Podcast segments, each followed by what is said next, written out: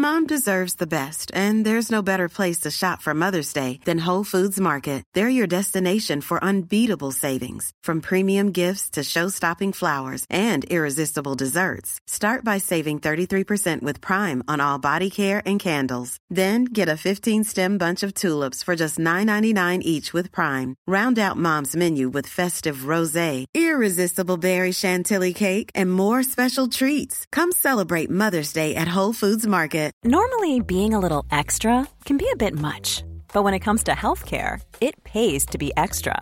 And United Healthcare makes it easy with Health Protector Guard fixed indemnity insurance plans. Underwritten by Golden Rule Insurance Company, they supplement your primary plan, helping you manage out of pocket costs without the usual requirements and restrictions like deductibles and enrollment periods. So when it comes to covering your medical bills, you can feel good about being a little extra. Visit uh1.com to find the Health Protector Guard plan for you.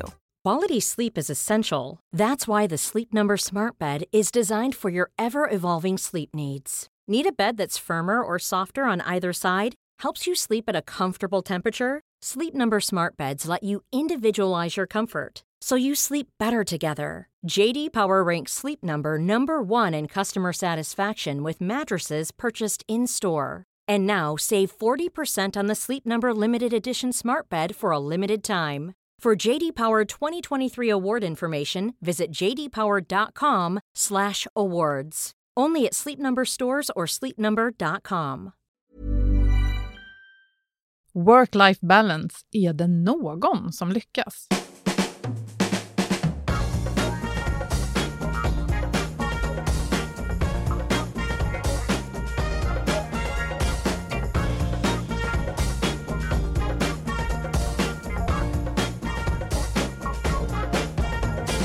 Det här är Health Wealth, en podd om hälsa på jobbet. Trots att vi får det bättre och bättre mår många av oss bara sämre. Hur har det blivit så?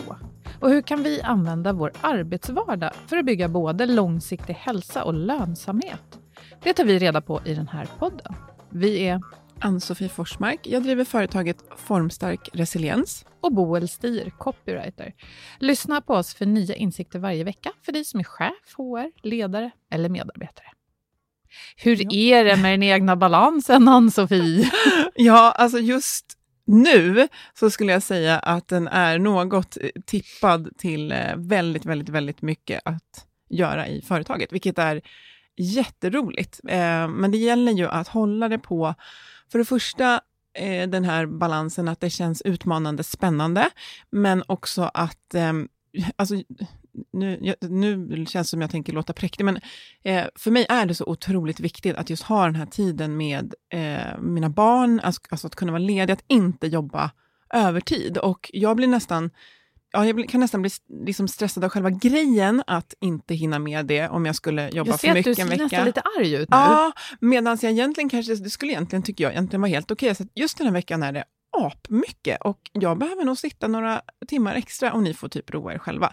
Jag tycker att det är helt okej, men jag har svårt att eh, unna mig eh, själv det där. Men, men eh, över tid så tycker jag att jag har fantastisk balans faktiskt och supermycket eh, energi och glädje och på alltså både privat och jobb och det känns riktigt bra. Men det har Mm. tagit tid att komma dit. Men du har också gjort det lite grann till en livsstil och en affärsidé och allt du gör kretsar ju delvis runt det här. Så att Ja. på något sätt, jag menar, du har, jag menar, du har inspirerat mig väldigt mycket. Till exempel såna enkla saker som kanske inte jag skulle ha tänkt på.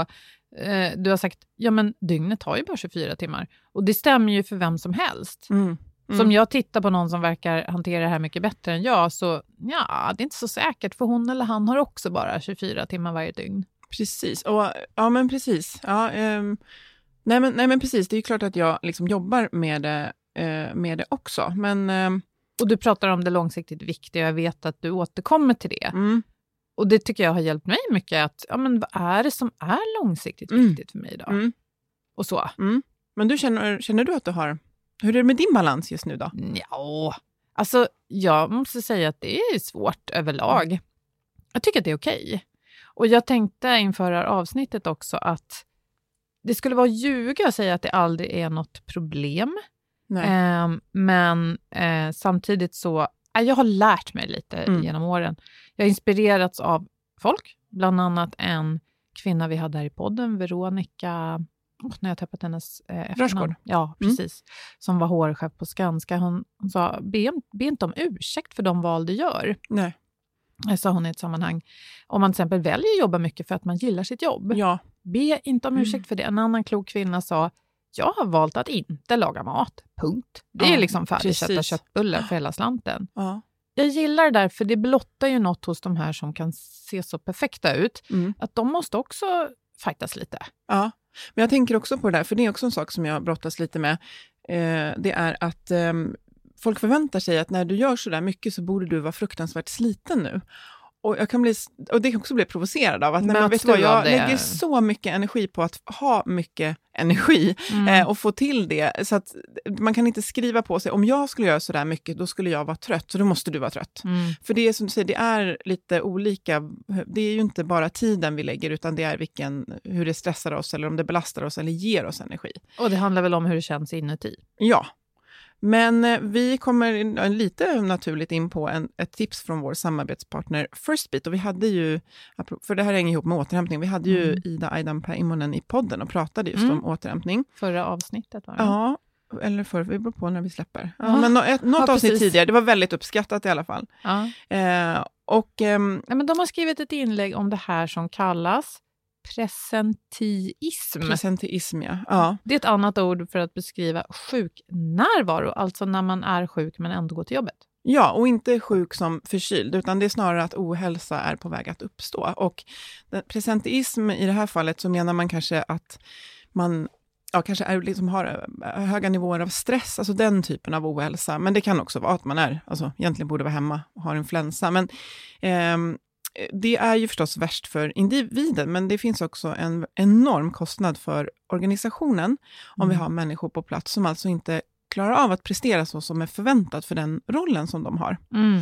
Och det här syns ju inte på en enskild liksom resultatpost, utan det smyger ju runt i kanske höga kostnader, att det är liksom ineffektivitet och lägre intäkter och så vidare, eller beroende Mm. på vilken verksamhet man har. Eh, men de, har, eh, de hade med några hiskiga belopp i sin- artikel i alla fall. Mm. Eh, och det drabbas ofta de som, man, som är de här högpresterarna, de här stjärnorna.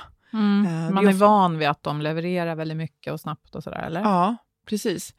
Eh, och som sagt, det, så det här är både om, med omtanke av individen vi behöver få bukt med det här, men även förstås för att det, det, det kostar väldigt mycket för organisationen.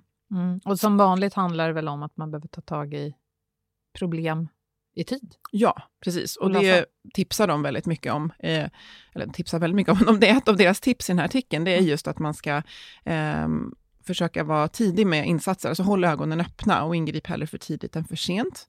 Eh, och att eh, de är väldigt måna också om det här med att uppmuntra medarbetare till att röra på sig eftersom den fysiska aktiviteten buffrar mot stress. Och det, Mm. alltså, det finns nästan ingenting som inte fysisk aktivitet hjälper mot. Och som vi alltid lyfter, det behöver inte vara ombytt till träning, utan just eh, enklare rörelse också. Mm.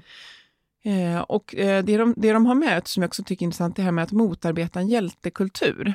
Eh, och det här kommer vi prata lite om i podden idag faktiskt, att eh, vi måste sluta se på den perfekta medarbetaren som den som är gets up early and stays up late, för det, det funkar inte.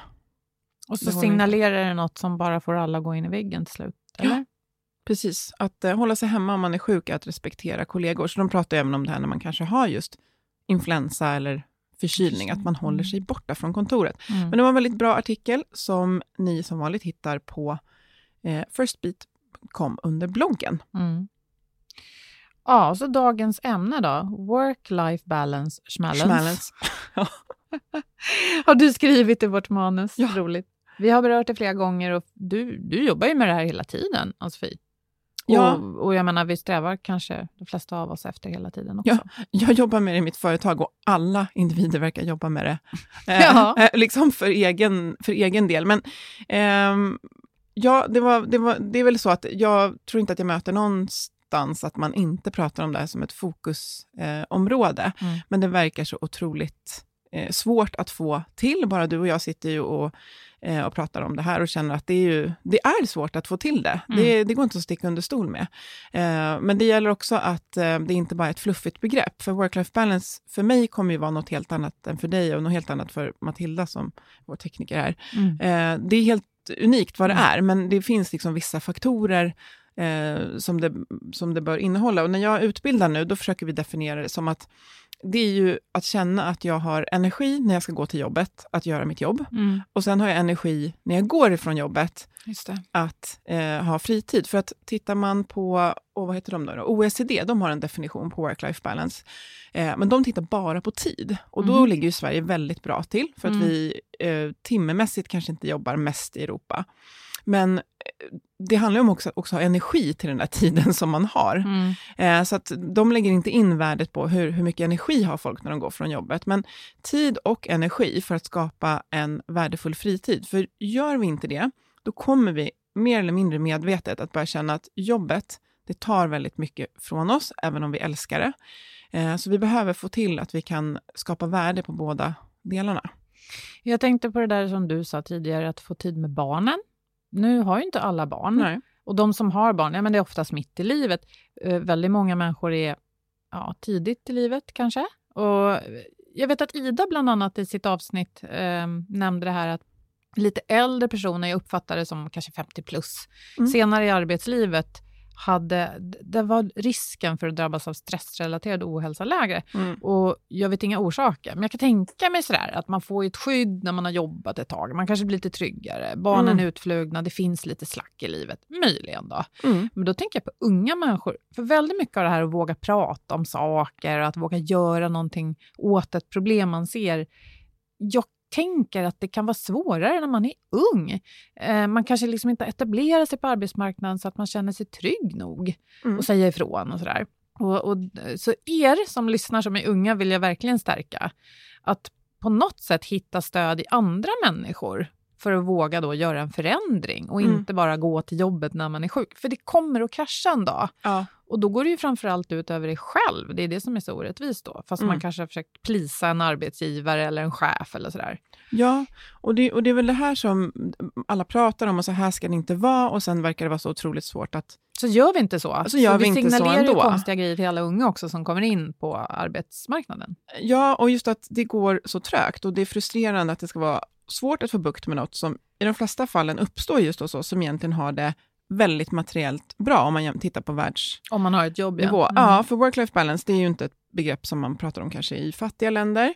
Eh, och vi pratar om att sitta fast i ekorrhjulet. Och jag, alltså det har kommit ut det kom ut någon bok här, då handlar det ju inte om att liksom, oj, det var lite för mycket, jag skalade ner, utan det handlar ofta om att göra en tväromvändning, typ flytta ut på landet, börja karda ull och tova eh, ullbroscher, typ så här. Nej, men jag känner att jag vill jobba med händerna. Ja, och jag, eh, om det är någonting som jag vill förmedla, då är det att det, går, det finns ett mellanting mellan att springa som en galning i ett ekorrhjul mot en liksom, materiell fokuserad karriär, självförverkligande och att flytta ut i ett hus i skogen utan wifi. Vet mm. du, det går att bo i en förort i Stockholm, ha två barn, älska sitt jobb, brinna för utveckling och ändå hålla över tid. Mm. Och det är där jag tror att jag och du och väldigt många är och vi behöver få det att funka. Mm. Och jag lyssnade också på Harvard Business Review, eh, en av deras podcaster, och då pratade man om varför arbetande kvinnor i USA var så stressade. Mm. Och då hade hon intervjuat kvinnor i, nu ska jag se om jag kommer ihåg rätt, men det var USA och så var det Tyskland, och så var det Italien och Sverige.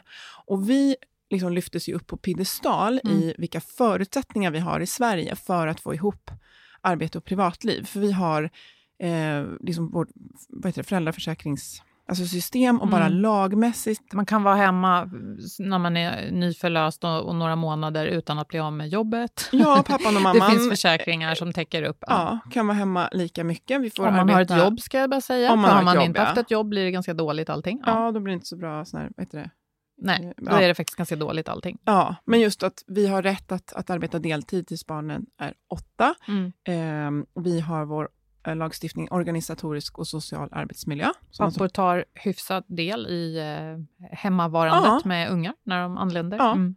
Nej, men så på, på pappret, lagmässigt och strukturellt så skulle jag säga att det finns inte någon organisation där man kan gå in och titta på det som sitter i regler och struktur som, som man ser att det här orsakar ohälsa, utan det är mer saker som är lite mer dynamiska Mm. eller orsakar att vi inte kan uppnå work-life balance. Mm. Utan det är inte, du är inte schemalagd 60 timmar i veckan.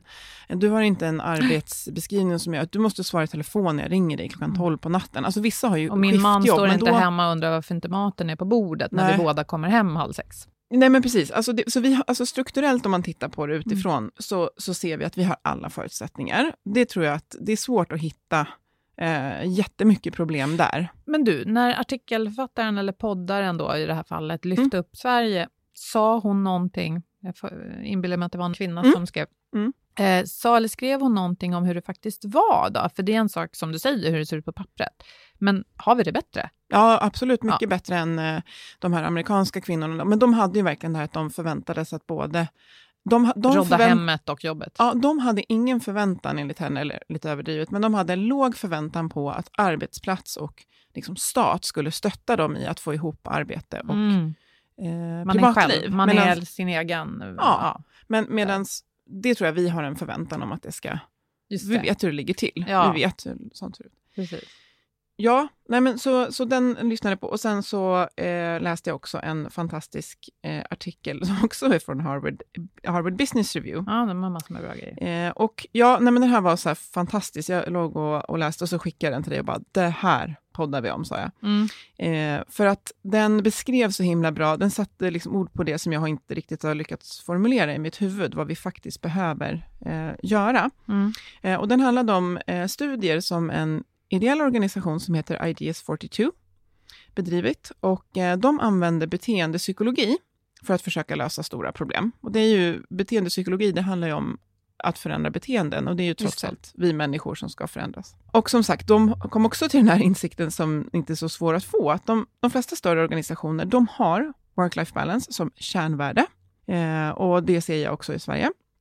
Det ser Att- du också. Ja, jag blir flesta- nyfiken och fastnar lite där, för att Ja. jag jobbar inte med de här frågorna hela tiden. Men du menar att man har det inskrivet i någon slags dokument, så här, att det här ska vi stötta? Mm, men man säger att här ska man kunna få till eh, work-life balance, för det är otroligt viktigt eftersom vi har högkonjunktur, attrahera talanger. Just det. Man vill ha work-life balance. Det är en bra start. Mm. Kommer företag Jättebra. och organisationer hålla fast vid det här, tror du, när vi går in i en lågkonjunktur någon gång? Ja, det tror jag. Alltså jag tror definitivt, jag tror genuint att det finns en vilja att, att få till det här. Och jag tror också att man kan liksom se på, på pappret att men vi, vi har ju allting på pappret som vi liksom behöver. Mm.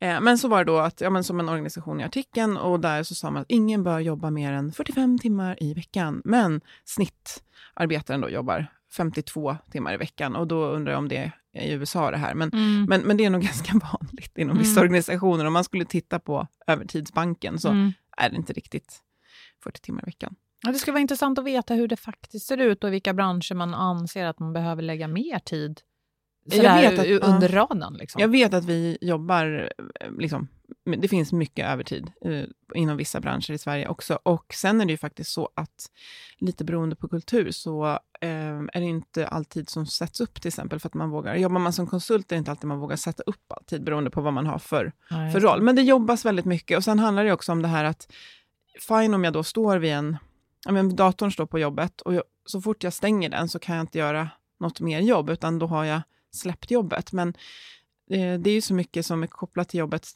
som vi tar med oss hem. Det kan ju vara att vi stressar över någonting och går och tänker och sen kollar på telefonen. Så det är också Mm. väldigt det här gränslösheten som vi har poddat om flera gånger, Mm. eh, gör ju att det kan vara lite svårt att säga faktiskt hur många timmar man jobbar. Och så kommer vi tillbaka till det att det är ju oftast inte antal, antal timmar avgör absolut, det får en påverkan. Men Mm. vissa veckor kan ju 30 timmar kännas som 60, för Ja. att det är så otroligt belastande. Och vissa veckor när man håller på med någonting som bara känns härligt, så, och man får göra det vart man vill och man grejar lite, kanske 40-50 går bra. Och sen är det väl nå- i någon slags mellanläge som vi verkligen är produktiva, tänker jag. För eh, om jag sitter på ett jobb där ingen någonsin efterfrågar något så spelar det kanske ingen roll att jag har uppgifter för att då kommer jag kanske inte göra så mycket till slut. Nej. För att ingen säger tack och ingen verkar behöva det jag ska göra och sådär. Eller det kanske inte finns kunder. Mm. Ja. Ehm, i ett annat läge där jag upplever den otroliga pressen att leverera mycket mer än vad jag klarar av och till ett, någon slags högre liksom, kvalitativt värde än vad jag har resurser för på något sätt. Då blir man jättepressad och där kommer ju inte min leverans att vara på topp. Nej. Alltså det vet vi därför att en Nej. stressad hjärna tänker inte så bra. Och det där, det där funderar jag Ja. jättemycket på nu. Att vi liksom, kolla vad duktig jag är i åtta timmar, men om jag, om jag aldrig har fått tid att andas, återhämtning som vi har pratat om, kan jag verkligen tank, tanka, tänka de där stora tankarna Nej, då? Nej, jag det kan, kan ju inte. inte det. Jag sitter ju fra, fast i någon slags så här, flytta A från B. Jag kommer aldrig bli så här strategisk och, Mm. och liksom påverka och förändra som jag vill. Nej men precis, vi kommer in till det. Allt vi lär oss som hjärnan gör ju att vi börjar, för det första så vet vi att eh, jobbar vi mycket, alltså mer än 50 timmar i veckan, ökar risken för eh, stroke, men också hjärt och kärlsjukdomar.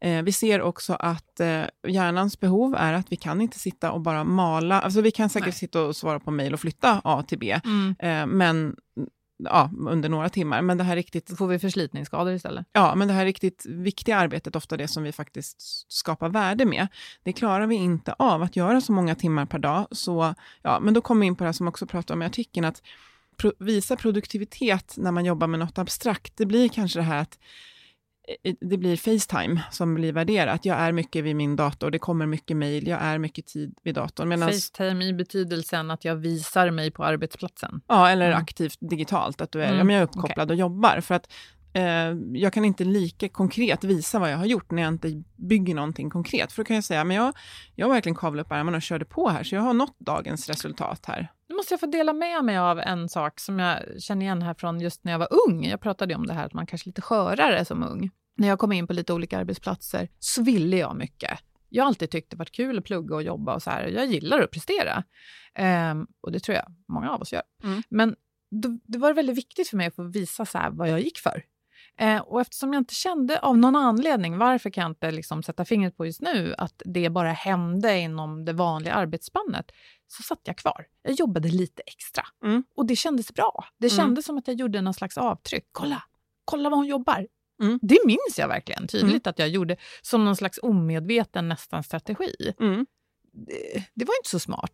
Nej, men det, det, det sitter ju kvar. Det är Mm. liksom en kultur, men det är väldigt mycket som sitter kvar. Och då ska man egentligen Mm. säga, men Boel, om du har varit här sedan åtta i morse Ja. och du har öst på med viktigt jobb, då vet jag att din hjärna funkar inte. Alltså, fast det kan Ja. den göra, för du kan ju ha tagit en, liksom, då kan du tagit bra pauser och det kan funka. Men, men att just förstå sin begränsning och förstå att det blir bättre imorgon om jag bryter. Behövt, ja, och där skulle man behövt en chef eller kanske en lite mer senior medarbetare som kunde köra det snacket och bara, "Nej, men hörru, Mm. gå härifrån vid fem och kom tillbaka Mm. fräsch och påfylld imorgon. Liksom. Och jobbar man in det så sätter det sig i en kultur där det då är helt okej att säga att det ryker ur mina öron, så nu går jag hem.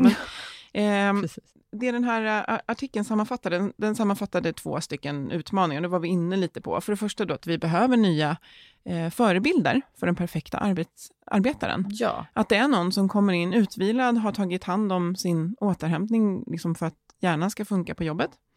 Eh, och också är eh, lyhörd för hur eh, hjärnan fungerar. Mm. Och, och eh, ja, lite som du berättade att du gör ibland, att du sitter i ett möte och bara, nej men jag måste stå upp för att, Mm. för att kunna tänka. Att Mm, det, att säger det, behöver- när man ja. sitter, liksom, sitter på rumpan i flera timmar med kunder. Det blir inget bra, nu reser Ja. vi på oss. Eller inleda ett möte med att ska vi bara liksom andas lite nu. Det kan ju i och för sig någon tycka är jättefånigt. Men... Ja, och sen att vi behöver förstå eh, sociala signaler. Ehm, att de, precis, att om, om du är min chef och så ser jag att du sitter kvar, det är en otroligt stark ehm, social signal. Att, ehm, att ja, men hon sitter kvar och jobbar, om jag ska imponera behöver jag också göra det.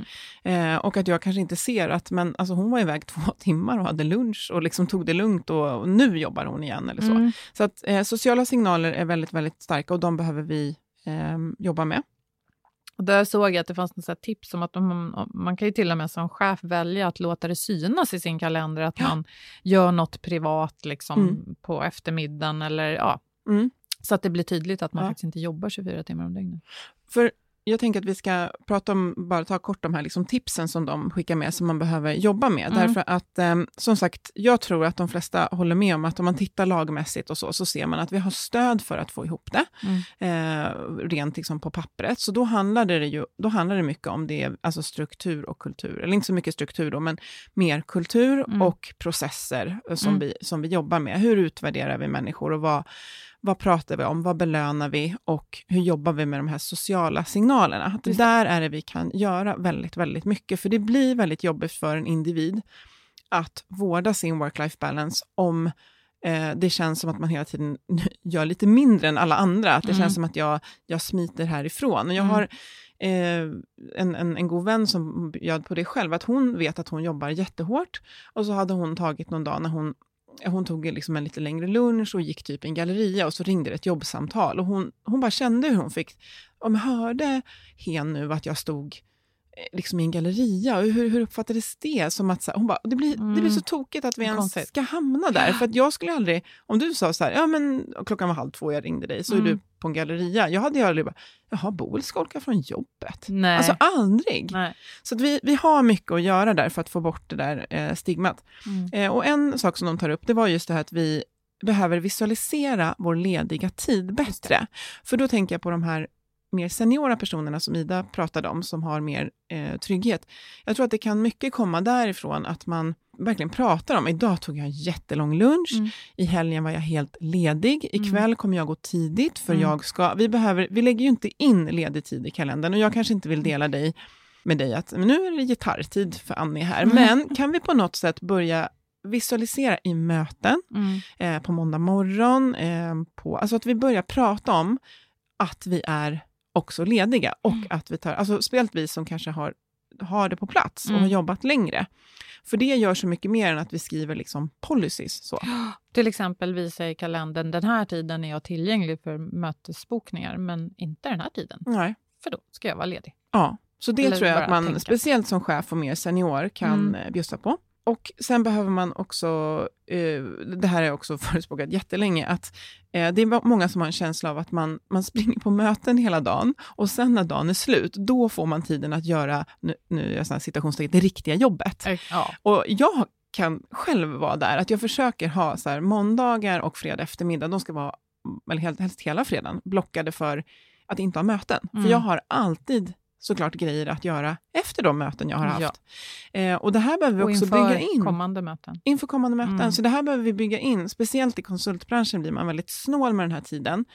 Ungefär som man tänker att då blir det interntid. Men i de allra flesta fall så har man även kundjobb som liksom har lite slattar här och var som mm. har spullit över, som man kan behöva för att leverera bra kvalitet, ta hand om kanske en fredag eftermiddag. Så att, eh, ha bokad tid för att göra klart jobb att mm. prata om det och deras exempel är en akutmottagning.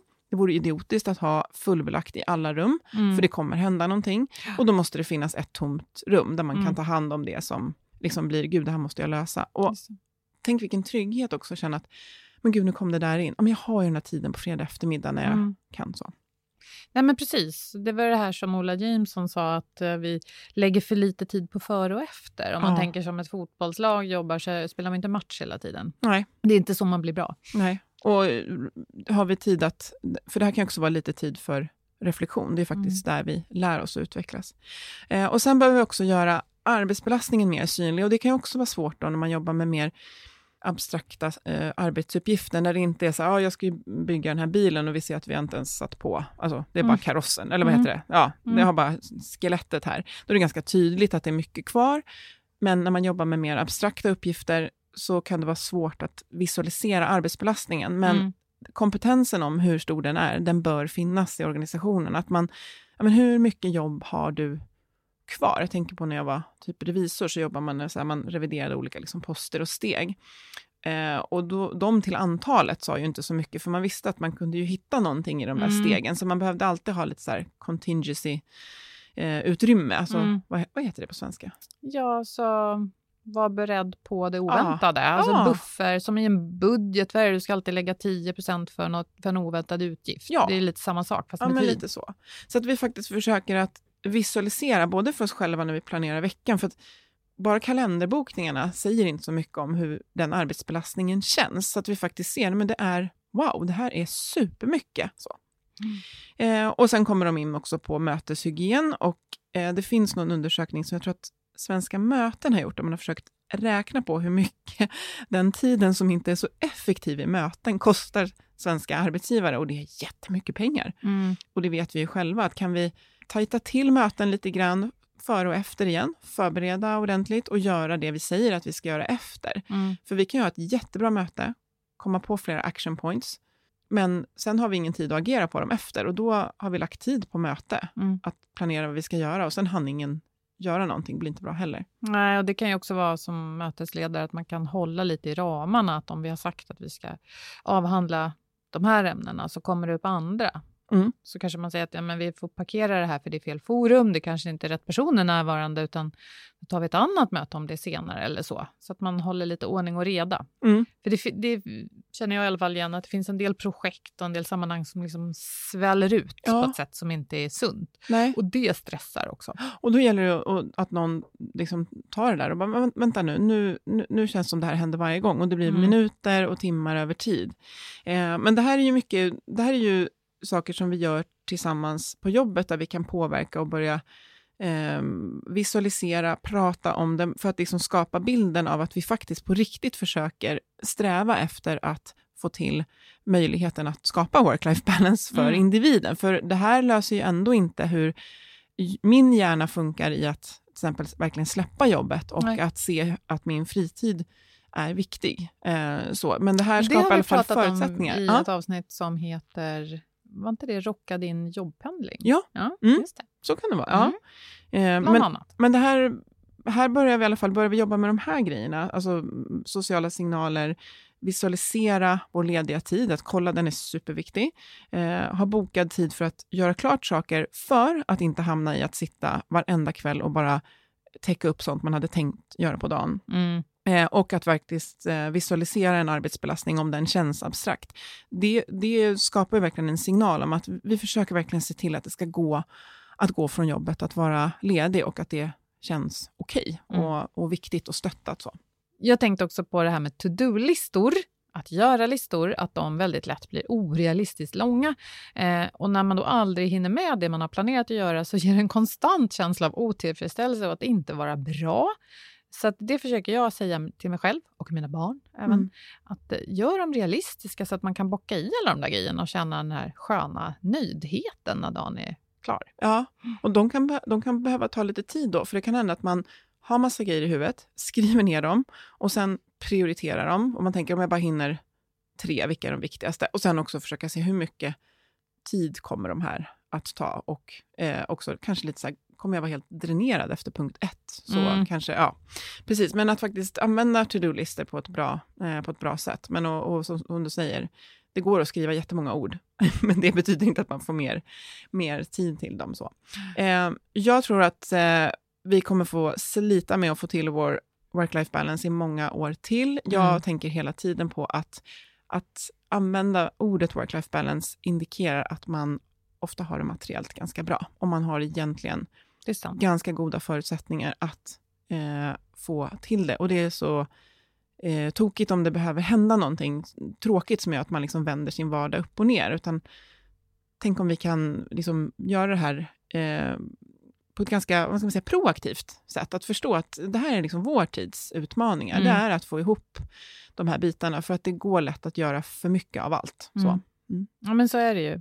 Och man kan känna sig väldigt pressad. Ibland ha, behöver man bära lite för tunga eh, bördor på sina axlar. Men jag tänker också att ibland kan det vara nyttigt. Jag har en sån mental bild att ibland behöver jag bara visa fingret lite grann åt saker och ting. To-do-listor och Ja. kalendrar och lite Ja. allt möjligt. Ja. Och med det menar jag inte att jag ska strunta i möten eller bara låta bli att leverera saker jag lovat.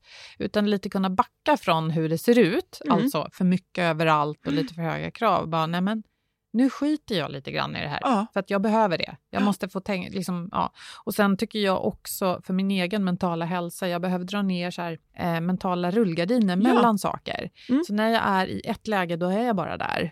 Och det kanske finns någonting som till exempel, okej, barnen, så, här, så att jag inte missar Mm. liksom hämta eller på, på något sätt. Men allt annat får bara vara. Och Mm. det kommer att lösa sig ändå. Mm. Så jag gillar mentala rullgardiner. Vad är det läge jag är i nu och inte tänka på allt annat.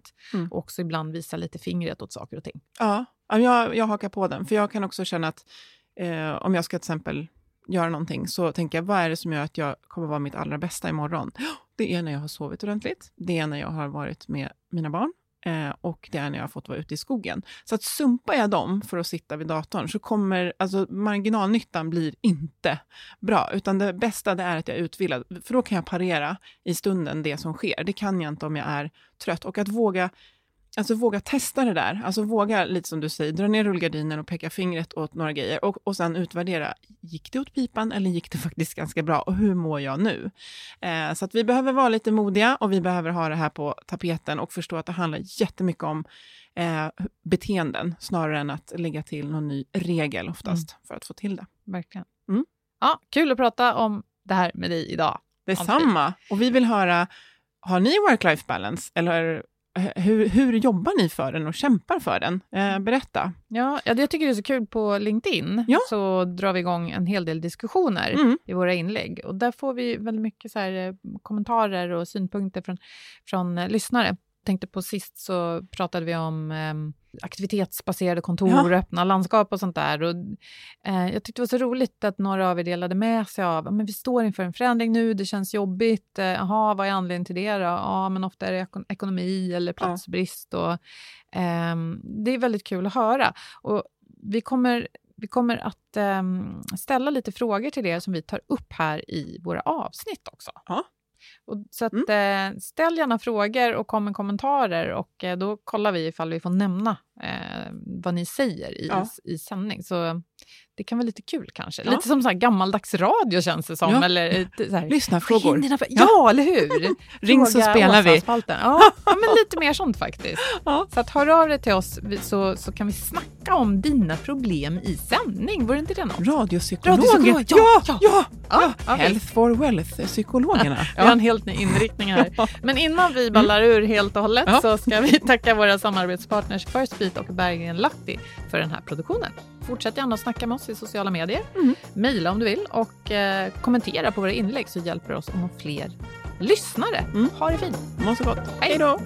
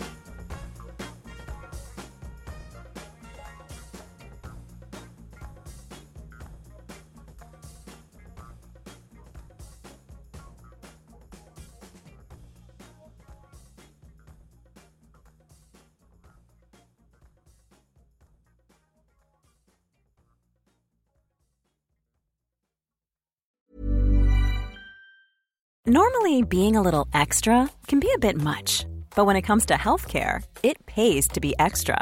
And United Healthcare makes it easy with Health Protector Guard fixed indemnity insurance plans. Underwritten by Golden Rule Insurance Company, they supplement your primary plan, helping you manage out of pocket costs without the usual requirements and restrictions like deductibles and enrollment periods. So when it comes to covering your medical bills, you can feel good about being a little extra. Visit uh1.com to find the Health Protector Guard plan for you. Hi, I'm Daniel, founder of Pretty Litter. Did you know cats tend to hide symptoms of sickness and pain? I learned this the hard way after losing my cat, Gingy. So I created Pretty Litter, a health monitoring litter that helps detect early signs of illness by changing colors, saving you money and potentially your cat's life. Pretty Litter is veterinarian developed, and it's the easiest way to keep tabs on your fur baby's health right at home. Go to prettylitter.com and use code ACAST for 20% off your first order and a free cat toy. Terms and conditions apply. See site for details. Here's a cool fact a crocodile can't stick out its tongue. Another cool fact you can get short term health insurance for a month or just under a year in some states. United Healthcare short term insurance plans are designed for people who are between jobs, coming off their parents' plan, or turning a side hustle into a full time gig. Underwritten by Golden Rule Insurance Company, they offer flexible, budget friendly coverage with access to a nationwide network of doctors and hospitals. Get more cool facts about United Healthcare short term plans at uh1.com.